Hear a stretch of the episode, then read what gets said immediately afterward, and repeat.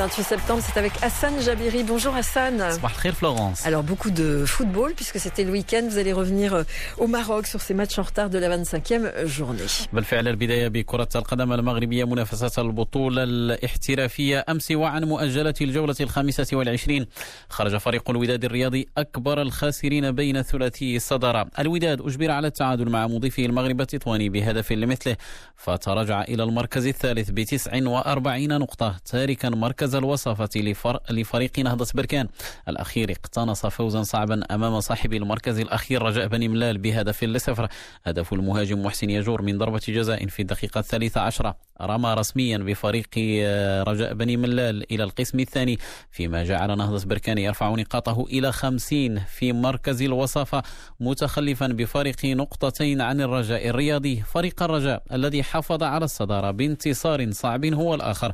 كان ذلك على حساب سريع واتزن بهدف لصفر وقعه قائده محسن متولي من ضربة جزاء في الدقيقة الثانية والثمانين.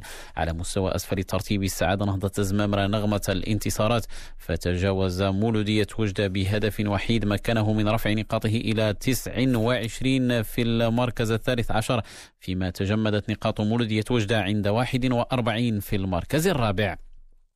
مغربيا دائما في تونس توج فريق الاتحاد المنستيري بلقب كأس تونس عقب فوزه أمس في المباراة النهائية على الترجي الرياضي بهدفين لصفر. اللقب هو الأول بالنسبة للاتحاد المنستيري في, في مسابقة كأس تونس. حرم به الترجي من التتويج بالإزدواجية محليا هذا الموسم بعدما كان فاز بلقب البطولة في وقت سابق. كرة القدم الأوروبية لحظة مسالوة بحديث عن الدوري الإسباني ففي أولى مبارياته في الليغا هذا الموسم تحت قيادة مدربه الجديد الهولندي رونالد كومان. ضرب فريق برشلونة بقوة وحقق فوزا بأربعة أهداف لصفر على حساب فيا ريال لحساب الجولة الثالثة. من جهة حقق أتلتيكو مدريد انتصارا كبيرا بستة أهداف لواحد على غرناطة. في مباراة شهدت تألق المهاجم الأوروغوياني لويس سواريز في أول ظهور له بقميص الأتلتيكو.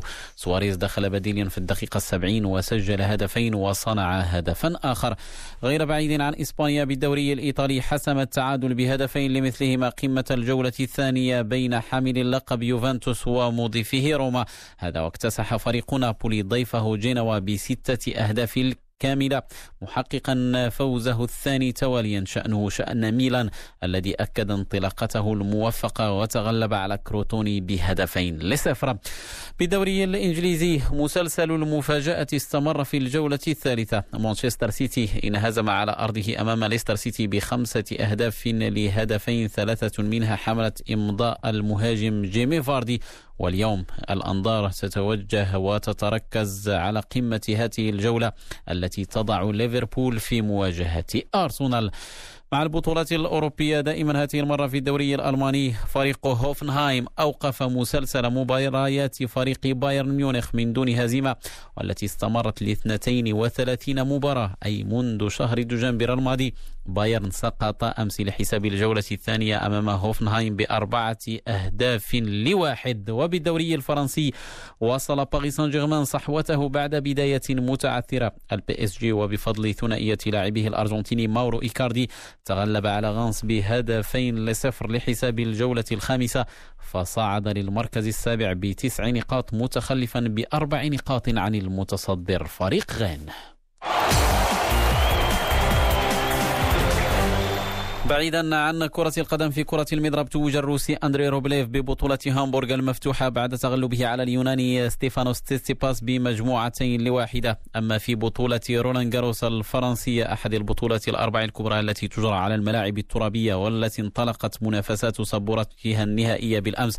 السويسري ستانيسلاس فافرينكا تغلب في الدور الأول على البريطاني أندي موراي بثلاث جولات دون رد وبلغ الدور الثاني. دور بلغه أيضا الألماني ألكسندر زفيريف بفوز فوزه على النمساوي دينيس نوفاك. ونختم بالحديث عن رياضة الجولف حيث توج الأمريكي هادسون سوافورد بلقب بطولة Corales Championship المندرجة ضمن بطولة ال PGA Tour والتي اختتمت أمس على بونتا كانا بجمهورية الدومينيكان. اللاعب الأمريكي تصدر الترتيب ب 18 ضربة تحت المعدل متقدما بفارق ضربة واحدة عن مواطنه تايلر ماكامبر. بذلك مستمعين نضع نقطة نهاية صباح الرياضة. أشكركم على طيب الإصغاء والمتابعة.